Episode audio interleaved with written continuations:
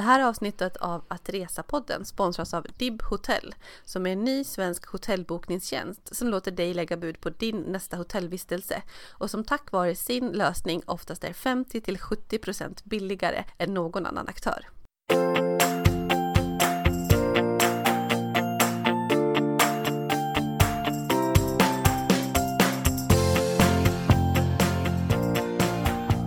Hej och välkomna till ett nytt avsnitt utav Att Resa, podden om att uppleva världen. Med mig Lisa Falåker som skriver bloggen livetfrånljusassidan.se och Annika Myre från resebloggen resfredag.se. Hur är det med dig idag Annika? Jo men alltså, jag har ju haft en ganska galen reseperiod de senaste veckorna. Så jag är hemma och mellanlandar igen ett dygn och sen åker jag vidare på nästa resa. Vart har du varit den här gången då? Ja, sist vi pratade så hade jag ju lite grejer på gång. Nu ska vi se här. Vi började med en weekend i Rom och det var fantastiskt. Sen har jag kört en weekend i Normandie, Frankrike. Och sen åkte jag hem till Blekinge till min eh, familj eller till min mamma en vecka och eh, därifrån kom jag idag och sen åker jag vidare till Amsterdam och Portugal på tisdag morgon. Du lever som den digitala nomad som du är. Det är ju fantastiskt. Det är drömmen. Fast, fast, ja, men det är drömmen. Just nu känner jag ändå att jag ändå skulle kunna vara hemma hela oktober och ligga i soffan med ett täcke. Det ja. låter jätteskönt. Ja. ja, men man får känna lite så också. Men du vet vad jag undrar? Förra avsnittet handlade ju om eh, att resa till överskattade ställen och då hade du Rom lite mer som en sån som du faktiskt inte hade fastnat för när du var där. Var det som du tyckte förra gången eller har det tagit revansch? Åh, alltså jag har tagit sån revansch. Det var fantastiskt och det är, det är konstigt hur man kan ha en sån upplevelse av, av ett resmål en gång och komma tillbaka. Det här var 12 år senare typ och det var som att komma till en ny stad. Jag vet mm. inte om det är jag som har förändrats eller det är ju knappast staden som har förändrats som har legat där sedan romarrikets begynnelse. Men mm. eh, i det här avsnittet om överskattade resmål pratade vi om att åka till ett resmål på, under eh, lågsäsong kontra högsäsong. Det var ju i och för sig högsäsong nu när vi var där, den här vändan senaste. Men förra gången så var det extremt högsäsong för då var det någon nationalhelg i Rom så att det var så packat med folk. Det var helt sjukt mycket folk. Och det upplevde vi inte alls att det var nu, fast det var i slutet av augusti. Mm. Ja, nej, men det är ett bra tips faktiskt, det där med att resa lite utanför högsäsong. Men när skulle man säga att det är högsäsong i, i Europa? Alltså om man åker till medelhavsländerna, hur länge kan man säga att det är så mycket folk att man liksom inte har märkt att det riktigt går över? När blir det mindre? Jag skulle gissa nu ungefär, eller nu den här septembermånaden. Från första september eller senare i september? Det är en jättebra fråga. Ja. Men eh, jag tror månadsskiftet ungefär. Ja, mm. eh, för att jag tänker att i sydeuropeerna, de är ju lediga mycket i augusti, så augusti är verkligen hög, högsäsong och sen lugnar det ner sig. Eh, jag har själv åkt på mycket tjejresor precis i mitten på september och med tjejresor menar jag att åka på weekendresor som lite avslutning på sommaren eller så. Och eh, då har det varit lite varierat väder. Vi har oftast haft jättebra, men det har känts som att det precis är i slutet utav högsäsong så. Och jag har mm. kompisar mm. som är i Palma just nu och där har det regnat otroligt mycket. Eh, men på andra ställen har det varit jättefint. Jag har också sett väldigt härliga uppdateringar från, från Frankrike och lite annat och så. Och jag åker också iväg snart, så jag åker på onsdag. Det blir nog ungefär samtidigt som vi släpper det här avsnittet, eller vi släpper nog det när både du och jag är ute och reser skulle jag tippa. Och, och jag ska åka till italienska rivieran till en liten by som heter Sivetsa. C-I-V-E-Z-Z-A som ligger, eh, ja det är Ligurien som ligger i norra Italien. Vi flyger in till Nice i Frankrike och sen är det typ en och en halv timme att åka med bil. Så jag och min kompis ska, eller det är en pressresa egentligen, eh, delvis sponsrad. Eh, men jag ska ta med mig min kompis och min dotter Meja som är snart två år och min kompis dotter som fyller tre när vi är där. Så att jag tänker att det ska vara charmig italiensk liten by och och absolut att det känns att det är utanför högsäsong så. Men jag hoppas ändå att det blir lite värme och lite så här poolbad och Aperol sprits på eh, balkongen i solnedgången. Ja, vi kan väl vinka till varandra från luften, för det är ungefär så ofta som vi ses på riktigt nu för tiden. Ja, det är lite mycket. Men nu, nu måste vi gå vidare. Vi har ju ett tema för idag. Vi har ju alltid tema på våra avsnitt. Det blir så mycket roligare då än att bara sitta och prata här om vart vi har varit och vart vi ska, för att det kan vi ju göra. Men det är roligare att vinkla det lite grann så att man kan få inspiration även om man inte ska till just det stället eller bara höra om. Så att det låter som att vi bara sitter och snackar löst om ställen. Och idag ska vi prata om hotell. Det är ju ofta en, eh, ett ganska naturligt inslag på resor. Så just det här med att, eh, att resa och få hotellupplevelser.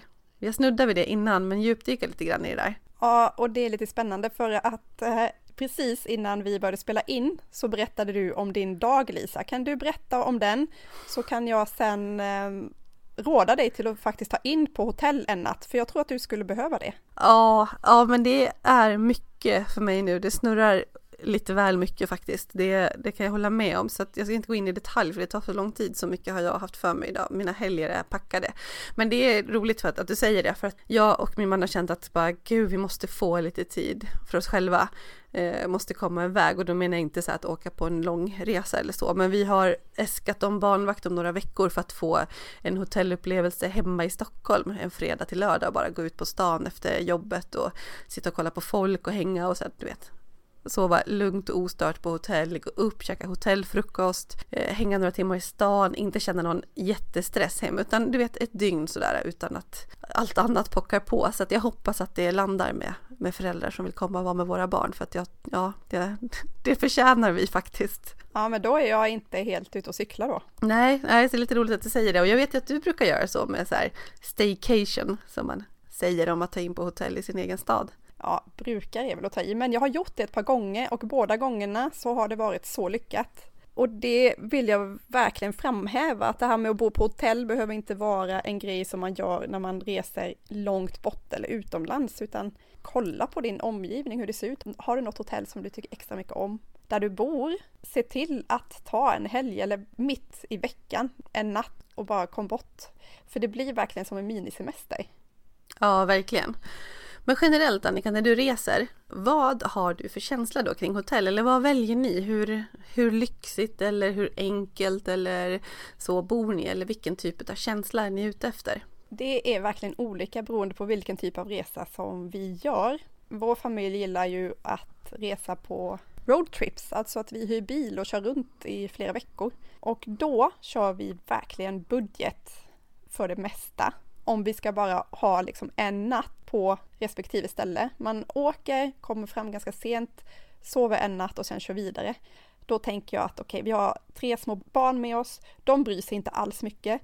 De tycker att det är mysigt om man typ sover allihopa i samma säng. Där kör vi verkligen budget, tänker inte alls så mycket. Vi vill helst komma ner i pris så mycket som möjligt så att vi får kvar pengar till att kunna resa under en längre period helt enkelt. Men åker jag iväg på tjejweekend så är det tillsammans med Tobias, min man, då vill jag helst faktiskt passa på att bo lite lyxigare. Verkligen kunna liksom bo fint och äta jättefin och lyxig hotellfrukost och eh, ja, men få en lite mer ut av boendet än när man bara ska sova. Mm. Men vad skulle du säga då vad gäller budget? Jag förstår ju såklart att det är olika beroende på vilka länder ni är i, men hur billigt är budget när ni åker med, med familjen? Det lägsta vi kom undan med i somras eh, när vi var på Balkan var typ 300 kronor för hela familjen och det är ju extremt bra. Mm. Men jag skulle vilja säga 500 ungefär. Mm. Då är det budget, budget. Och då är ni ändå fem personer i familjen. Ni har ju tre barn. Hur gör ni för att komma undan så billigt? Vilken typ av rum lyckas man hyra då? Det är ju faktiskt en ganska vanlig fråga. Ja, men då går vi på typ, du vet, man letar och tar absolut billigast. Alltså att man söker på pris istället för rekommendation som jag vet att du brukar göra. Mm. Och så kör vi typ första bästa som kommer upp. Mm. Och eh, alltid Nelly i sängen mellan oss. Hon börjar bli, hon fyller ju tre nu snart så vi, jag vet inte hur länge man kan hålla på med det där så. Nej, men har ni berättat det för hotellet innan då? Eller blir det en liten överraskning för dem att ni har med ett till barn? För jag antar att ni i alla fall säger att ni har två barn, eller? Mm, två barn plus bebis brukar vi skriva, men hon är ju inte riktigt Nej. jätteliten bebis längre. Nej. Nej, men att man söker med två barn, alltså man söker två vuxna, två barn och sen så i kommentarerna skriver att man har med sig mm. en liten. Exakt. Så, då, så brukar vi göra. Ja, och då pratar ju ni vanliga bokningssajter. Jag tror inte att det är så populärt om man åker på charter. Då tror jag att man måste berätta alla människor, ja. alla människor som är med i bokningen.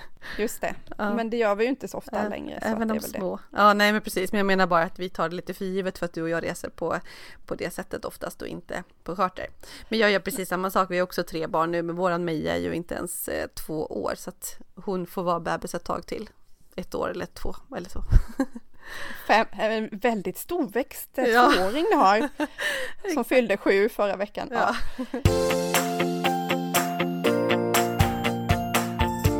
Vad är du ute efter för känsla Lisa? När du bokar hotell eller när du ska bo på hotell? Ja, det är svårt att svara på men jag är ute efter känslan. Vilken känsla? Ja, nej men den, den där, den känslan. Nej men jag gillar när det är trevlig atmosfär, gemytligt, eh, det känns äkta det man försöker göra. Alltså man kan gå in i en lyxig lounge. Jag vet ett hotell vi bodde på i Miami till exempel som, som var jättefint på bilderna och det kostade ju ganska mycket men det här var ett schysst hotell. Och man gick in i receptionen men allt såg ut som du vet fräschaste, härligaste, coola loungen och så snygga möbler och det var vitt och det var ljusträ. Men känslan fanns inte där. De försökte skapa någonting som inte fanns. Alltså i resterande atmosfären och i servicen och i väggarna så låg inte det här och då blir det så fel. Så jag bor hellre på ett enkelt ställe som har en varm och genuin känsla. Säger man att det är ekologiskt så ska man märka, eller ett hållbart hotell, så ska man märka att personalen faktiskt tycker att det är viktigt. Eller ska det vara det här är lyxigt och snyggt? Ja, men då ska det vara lyxigt och snyggt på riktigt. Men jag tar hellre och bor enkelt och att det är genuint och trevligt än att bo jättelyxigt och det bara känns eh, stiff och du vet så stelt. Men mm. eh, så oftast så bokar vi inte jättedyrt skulle jag säga utan försöker leta efter något på rekommendation utgår jag från, eh, där folk säger att det är trevligt och härligt.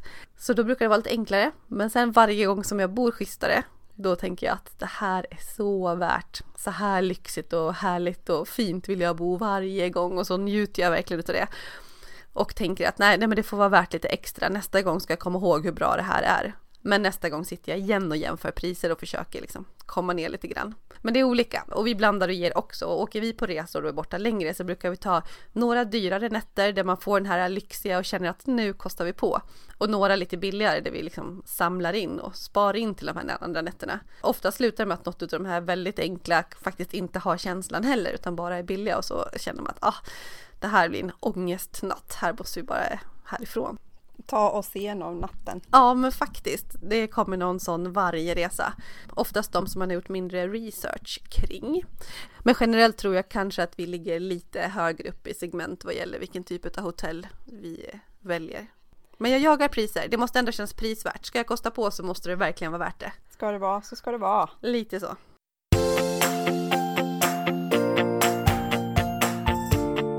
Skrev ett blogginlägg för, för ett tag sedan som blev väldigt uppskattat som handlar om den förbjudna tanken om att stanna på hotellet.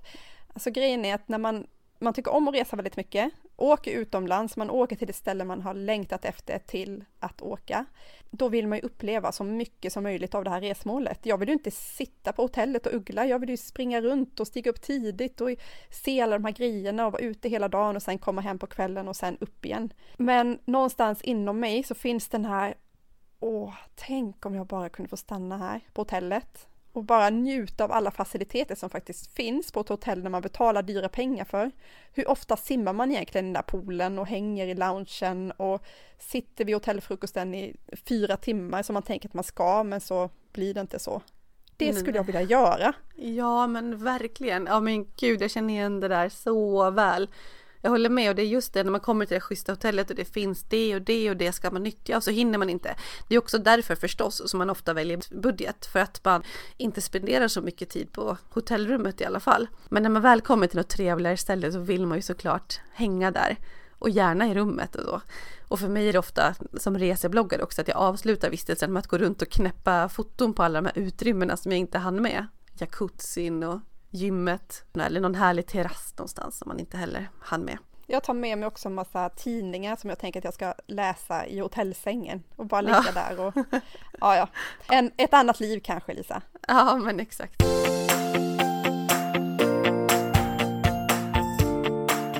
Men hur gör man för att hitta billigare hotell då Annika? För att nu sa ju du ett knep redan tidigare här kring att ni faktiskt anger två barn och att ert minsta barn sover mer i sängen och så blir det ju oftast oavsett. Så att ni inte anger att det är tre barn utan två och skriver i kommentaren och jag jobbar på precis samma sätt. Men annars då för att faktiskt hitta billiga hotell?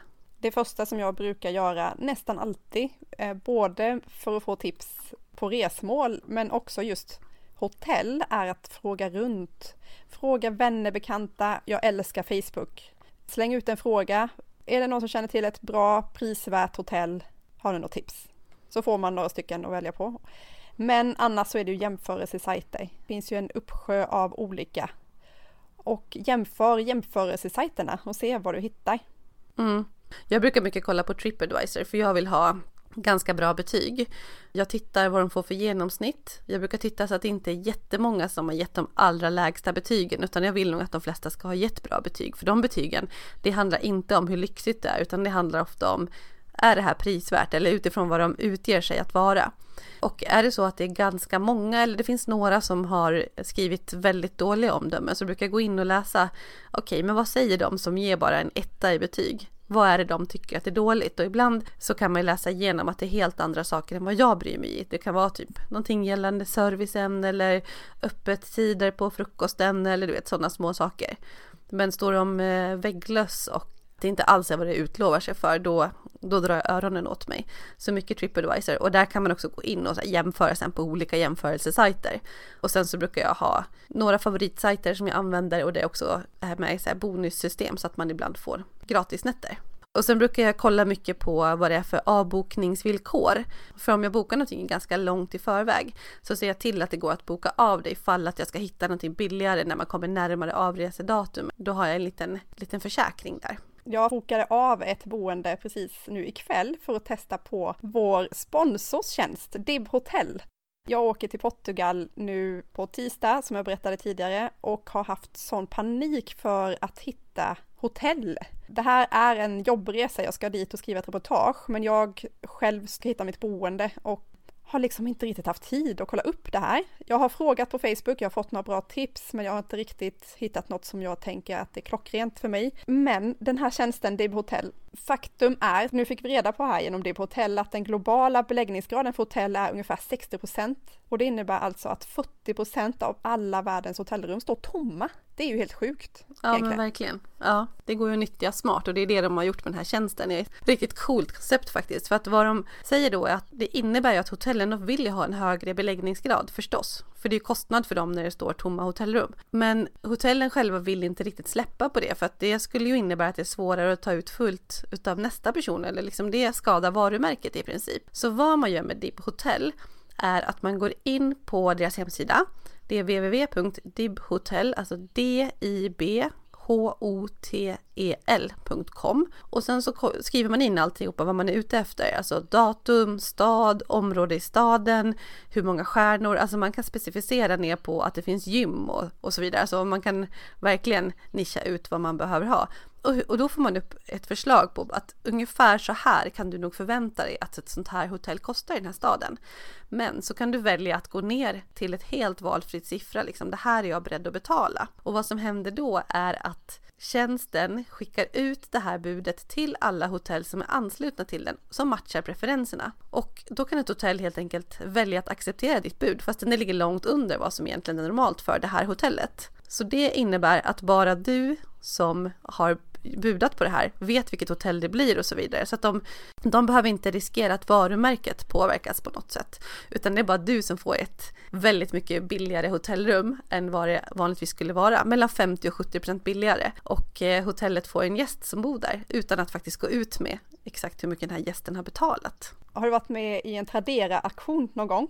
Så ja, ja, ja, ja, ja. Så känns det för mig lite grann, för jag la ju ett eh, bud nu tidigare ikväll. Då visste jag att jag skulle bo i Lissabon, downtown Lissabon, fanns med då bland de här länderna och de städerna som man kan välja på. Och så kunde jag då fylla i precis som du säger, jag fyllde i att jag vill ha ett fyrstjärnigt hotell med pool. Och då fick jag ett rekommenderat pris. Och jag själv, jag drog ner till lägsta pris vad jag var, var beredd att betala och fick då eh, besked att det är 25 procents chans att jag kommer få ett hotell för det här priset som jag ger då de har 48 timmar på sig på att acceptera mitt bud. Mm. Och annars får du lägga ett nytt bud antar jag så att du lägger det faktiskt lite högre. Men det är i alla fall otroligt smart och verkligen ett bra tips för att komma ner i pris. Så kolla in det, Dib Hotel. Det är en helt ny tjänst och det här är ett svenskt startup. Så eh, det vill vi premiera lite extra.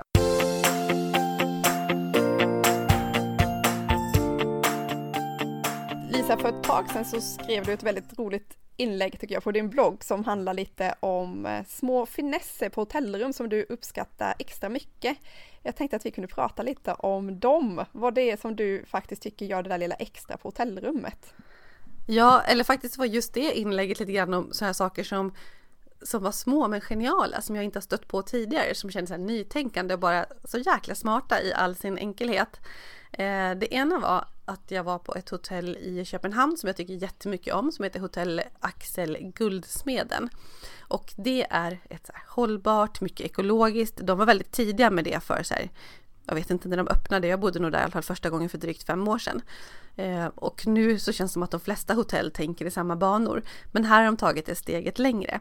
Och en sån här smart grej var att istället för att ha vatten på rummet i någon vanlig liten vattenflaska då, så var det en tom vattenflaska som var riktigt snygg. Och så stod det att här i Köpenhamn har vi jätterent vatten, ett av världens bästa. Vrid på kranen och fyll den här vattenflaskan med det och eh, sen spar du flaskan och fyller på den igen och igen och igen. Och hur smart är inte det mot all den här påfyllda transporterade vattnet? Det är superbra. På samma hotell hade de också tandkräm i tandkrämstabletter. Jag saknar ofta tandkräm generellt på hotellen för det är typiskt en grej som man glömmer och eh, som är lite svårare att få tag i i små förpackningar eller man ska komma ihåg att köpa så här liten tub liksom. Jag reser ofta med bara små förpackningar för att det är smidigare om man vill ha handbagage eller så. Och på det här samma hotell så hade man små tabletter, så det var liksom en liten papperspåse och i den låg tre, fyra små tabletter som såg ut lite som, ja, någon liten medicin, så här små tuggpastiller. Och de tuggade man på och hade i lite vatten i munnen och då blev de krämiga och blev till tandkräm. Så det var verkligen precis hur smidigt som helst, alltså lite äckligt. Man ville inte riktigt så svälja, alltså det blev en lite så här märklig känsla i munnen, men det var ändå otroligt smart. Också just för att eh, dra ner på plasten och små förpackningar. Och tänk på resan, det är inte ens är vätska utan tar absolut ingen plats alls. Har du varit nej. med om det någon gång? Sett det? Nej, nej, inte alls. Jag bara får associationen till såna här fluortabletter som man fick i skolan när man var liten. Men det har ju inte alls med saken att göra. Nej, men det var lite liknande typ, men eh, de var inte knallröda eller någonting så, utan det var ja, som tandkräm. Väldigt smart. För det är det, alltså tandborste och tandkräm, det är sånt som jag glömmer. Det är någonting som jag behöver så är det det. Däremot har jag sällan behov av nål och tråd som typ alltid finns, eller ofta. Mm. Nej, det är inte så ofta jag syr. Inte hemma, inte på hotell, ingenstans Nej. faktiskt. Verkligen. En annan grej som du skrev om som jag tycker var så himla kul. Vi brukar ju podda ibland på Clarion Hotel Amaranten i Stockholm på Kungsholmen. Och sist vi var där så hörde jag dig i glada utrop på toaletten. Jag trodde att du pratade med mig, men du körde en Insta-stories där du hyllade deras tänkande om att ha olika färger på handdukarna i badrummet. Ja precis, för oftast är det ju bara vita handdukar och sen är du där med någon kompis eller flera stycken eller en hel familj och eh, samma färg. Vart hänger man dem? Vilken handduk var min nu igen? men det här är blöt. Vänta, jag har inte använt min. Här var det en uppsättning med vita handdukar och en med ljusblå. Då vet man mycket väl att nu har jag tvättat mig och torkat med den här ljusblå handduken. Fräscht och bra, hållbart och håller de ett par dagar till också. Ja, vi har ju för sig inget behov av det för att vi använder typ samma handduk hela familjen och jag vet att en del tycker att det är jätteäckligt. Vi kanske skulle behöva det där faktiskt, lite olikfärgade handdukar hemma också. kanske inte hela världen, men jag tyckte i alla fall att det var, det var smart och det var inte mindre fint för det utan det, det passar fint in i deras fräscha badrum. Som för övrigt har så fina budskap på spegeln, står så här You look great today. Du bara åh tack! Ja tack! Ja, nej men det är trevligt. En fin påminnelse, det är bra. Skrivs upp på alla speglar hela tiden, jättebra.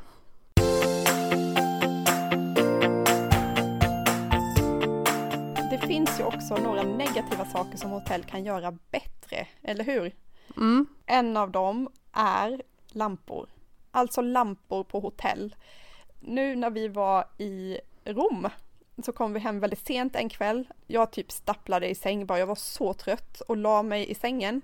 Och efter typ fem minuter när jag hade slumrat till har jag Tobias springa runt i rummet. Alltså han var vansinnig för han hittade inte knappen till den sista lampan. Han har lyckats lokalisera de flesta, men det var en lampa som var ganska stark som han inte kunde släcka. Och han bara, men vad är det för fel? Och du vet, han ville bara sova, han ville att det ska vara helt svart. Så till slut så ringde han ner till receptionen och bara, han kunde knappt få fram engelskan heller. Han bara, the lamp, uh, I don't know, how, how do I, åh, oh, den här freaking lamp.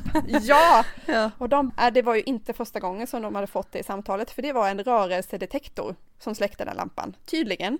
Ja, Och det är inte så lätt för oss att veta när han stapplar omkring där i rummet runt, Nej. runt som en älg liksom. Den släcktes sig ju aldrig. Så de bara, if you just, uh, you know, stand still it will turn off. Ja, Så han la sig i sängen och sen så bara ding. Ja, men den frågan Ja. måste de ju ha fått jättemånga gånger. Alltså nog för att det ofta är svårt och man blir irriterad för att det går liksom inte att förstå hur det här funkar i hotellrum. Man kommer in och varje gång är på ett nytt sätt. Men det där har jag faktiskt aldrig varit med om heller så det var ju verkligen extra avancerat. Ja, och hade varit en grej, tänker jag, om det var som en varenda lampa i rummet. Men det här var ju en specifik lampa. De Ja. andra kunde man släcka. Var så lustigt. Ja. Sen gillar jag när det finns mycket strömuttag och det gör det inte alltid. Och sen är ju ett bra tips, alltså just när det finns så här äh, olika uttag för olika länder, att det faktiskt kanske finns en adapter eller att de har byggt in på något vänster så att det funkar med olika. Det är lyxigt och bra. Men om det saknas så tycker jag att det är bra att kunna ladda telefonen, i tvn, att ibland så finns det ett USB-uttag så att man kan köra den. Så det är så här bra tips om det är så att det saknas strömuttag. En annan grej på hotellrummet som jag gärna egentligen skulle vilja höra med någon hotellpersonal. Hur det kommer sig att man kan ta sådana sjuka överpriser i minibaren. Mm. För suget slår ju ofta till alltså. I alla fall för mig. Sent på kvällen så bara, men den, de ligger där och lockar de där chokladbitarna. Som kostar typ 100 miljoner gånger mer än vad de gör på Pressbyrån ens. Ja, Hur är det rimligt? Varför, varför är det så? Nej, det är jättekonstigt. Då borde du vilja ha mer försäljningen. Men vad gör du då? Brukar du nyttja? Brukar du ta chokladbit eller fylla på dagen efter kanske? Gå ner och köpa någonting på supermarket? Jag har gjort Nej, det. det. Har du? Det har Ja. jag aldrig gjort. Nej Lisa, har du det? Ja, gud ja. Absolut. Nej, kanske en liten grej. Det brukar bli det, men jag vägrar köpa en påse jordnötter för 50 spänn. Alltså Mm. där, det gör jag inte. Nej. En grej som jag vill uppmana till om någon hotellägare lyssnar på det här avsnittet, för det gör ni väl, tänker jag. Mm. Det är att köra lokala varor i minibaren. När vi var på Filippinerna så besökte vi ett hotell som bara hade lokala produkter i minibaren. Vilket är ju ett sätt att få smaka sig runt i världen tänker jag. Det är ju inte så himla kul att komma till Hongkong och äta Snickers som vi kan äta hemma. Då är det mycket roligare att få smaka någonting som de har som är specifikt för det landet eller någon lokalproducent eller sådär. Ja, men det är sant. Kan man få upp ögonen för någonting nytt så. Verkligen. Mm. Sen tycker jag allmänt att man ska ha mörkläggande gardiner. Vissa är ju bra på det ofta och det blir helt kolsvart, vilket jag älskar. Men det är också vanligt att det bara inte är riktigt mörkt eller att det går att få det och det gör mig jätteirriterad. Jag förstår inte hur man kan ha ett hotellrum och inte ha möjligheten att mörklägga ordentligt. Det är helt okej för mig. Men en grej som inte är okej med mig, det är dålig hotellfrukost. Hotellfrukost är typ en av de absolut största anledningarna till att jag bor på hotell överhuvudtaget. Det Är det? Ja men alltså, det är det. Jag älskar hotellfrukost Lisa. Det är det Ja. bästa jag vet. Men i slutändan, har du verkligen tid att sitta så länge? Får du i dig så mycket så att det blir så speciellt? Ja, i drömvärldarna har vi det, men när vi Mm. reser med familjen, min familj vet om det här, så Tobias brukar skicka ner mig. Jag går typ en halvtimme innan resten av familjen kommer ner. Jag skickar ett sms när jag typ ätit klart. Ja men vad bra. Ja. Jag inser ju att jag blir så himla tråkig och tar ganska mycket samma. Men jag gillar ju när det finns mycket nötter och egengjord müsli och fina grejer. Men däremot så blir jag mycket så här att jag går på cirka samma saker som jag vanligtvis äter. Men eh, jag tyckte det var kul, jag frågade faktiskt efter att vi hade varit på Clarion Hotel Amaranten senast och poddat så frågade jag på morgonen, fotade croissangerna som såg så himla goda ut och frågade äter du eller äter du inte? Unnar man sig det på morgonen eller inte när man bor på hotell? För att det är många som pratar om de här frasiga croissangerna med choklad i. Jag skulle säga att ungefär 70% av alla som svarade på Instagram, det var ganska många, de sa att självklart oavsett veckodag. Vissa andra var ja men på helgen kanske. Och andra var inte alls intresserade och skulle absolut inte kunna tänka sig att äta sött och flottigt på morgonen. Oj. Mm. Det var Ja. den hotellfrukosten du missade för att du drog så tidigt.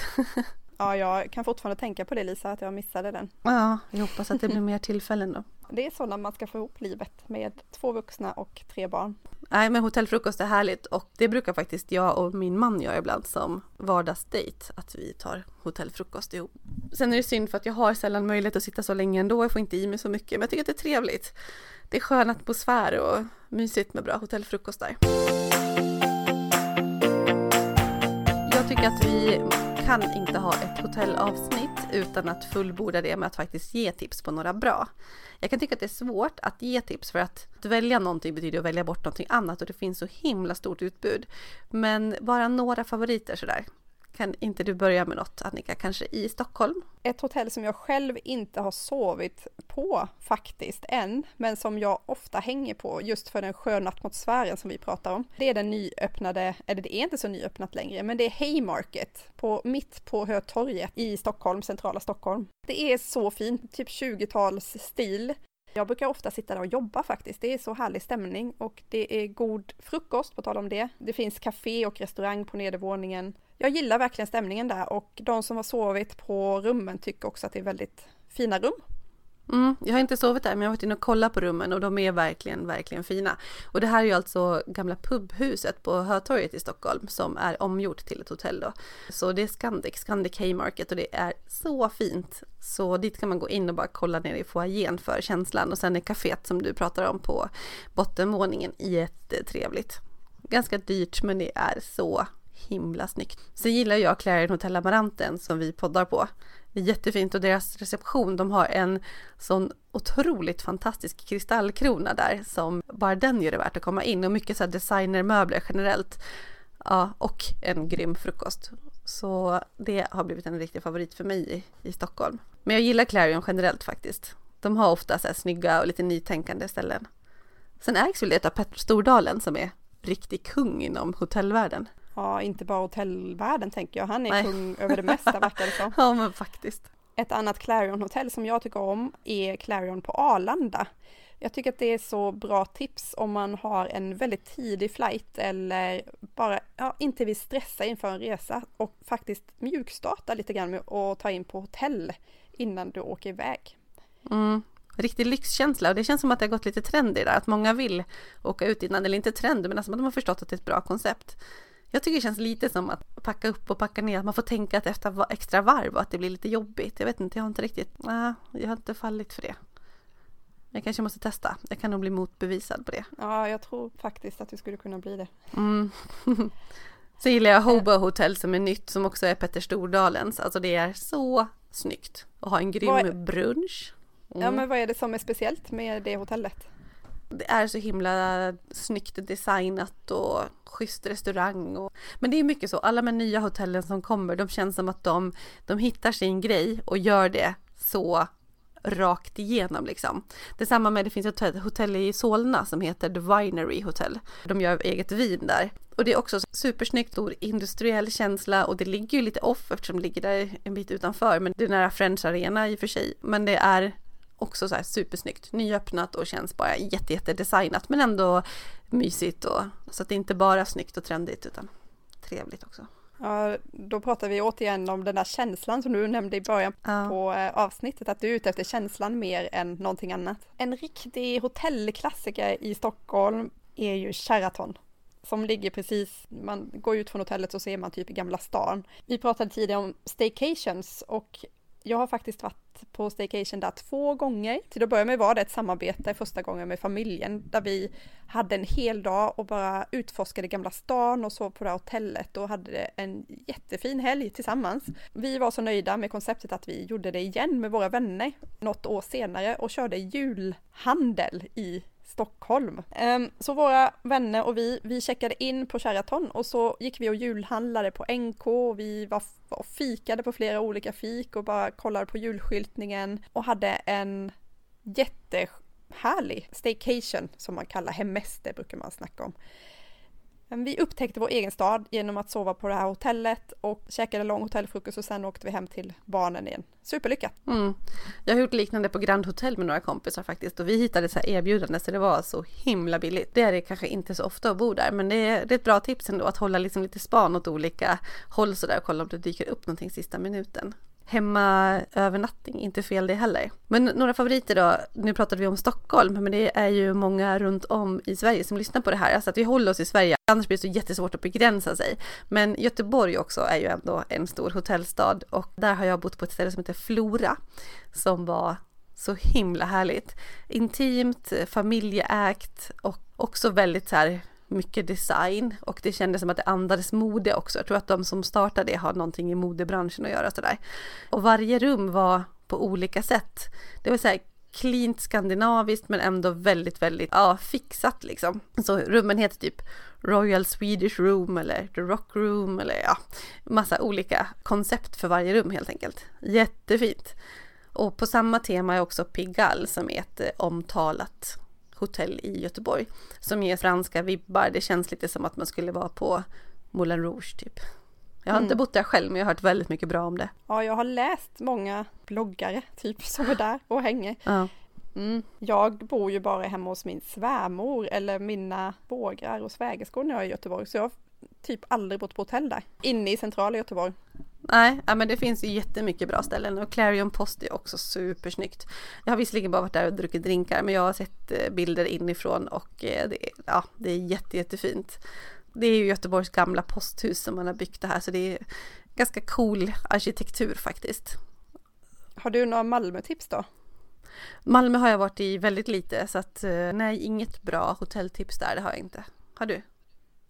Min brors hus kanske, ja. utanför Malmö. Ja. ja, apropå komma ner i kostnad så nyttja kompisar, det är ju ett annat bra, bra, bra alternativ. Ja, med min familj så känns det som att jag har någon i varje stad. Det är bra att ha stor familj. Ja, jag tror inte vi hinner med så jättemånga andra ställen. Jag har ju redan nämnt Hotell Guldsmeden Axel i Köpenhamn som är ett jättefavorit. Jag gillade Clarion Collection Hotell Havnekontoret i Bergen i Norge när jag var där och Sen är jag nyfiken nu på Steam Hotel i Västerås som det är många som är på som verkar så jäkla nice alltså. Det skulle jag också gärna åka till. Mm. Jag måste få köra ett sista tips just om man inte riktigt har råd med lyxhotell. Det är ju något speciellt och någon gång få bo på femstjärnigt, riktigt, riktigt fint hotell. Man behöver faktiskt inte åka så himla långt för att komma ner väldigt mycket kostnad. Jag har bott på femstjärnigt hotell i Polen och där får man så mycket mer hotell för pengarna. Jättefina hotell.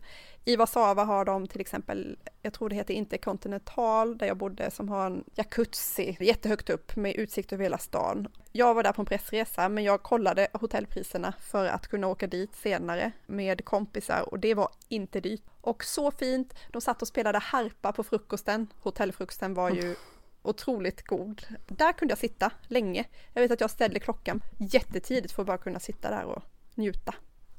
Ja, det låter härligt. Annars är ju min absoluta dröm i hotellvärld, det är Marina Bay Sands i Singapore. Jag har varit sugen på det så länge. Och så kom vi till Singapore bara en natt när vi var på väg till Bali. Och jag tittade verkligen i förväg på att åka till Marina Bay Sands, om det nu hade varit så att vi skulle ha stannat över i Singapore. I slutändan så var det inte alls planerat, utan det blev för att vi hade problem med eh, flyget. Men eh, ja, det var för dyrt. Det gick inte, i alla fall inte med, med barnen. Jag skulle kunna kosta på det med eh, bara ett par vuxna, men med tre barn så skulle det landa på någon svit och det, nej, det fanns ju inte. Där får vi nog börja runda av. Nu har vi pratat om lite favorithotell.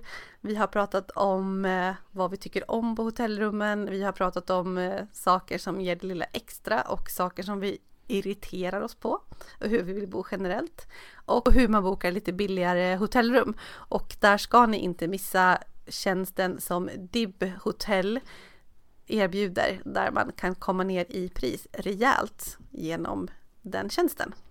Tack för sponsring och tack alla ni som fortsätter lyssna på Att Resa-podden. Det här är vårt 45 eh, avsnitt och vi kör på i sällan skådad takt Lisa. Ja, tack för det och vi hörs av snart igen. Tack och hej då! Hej då!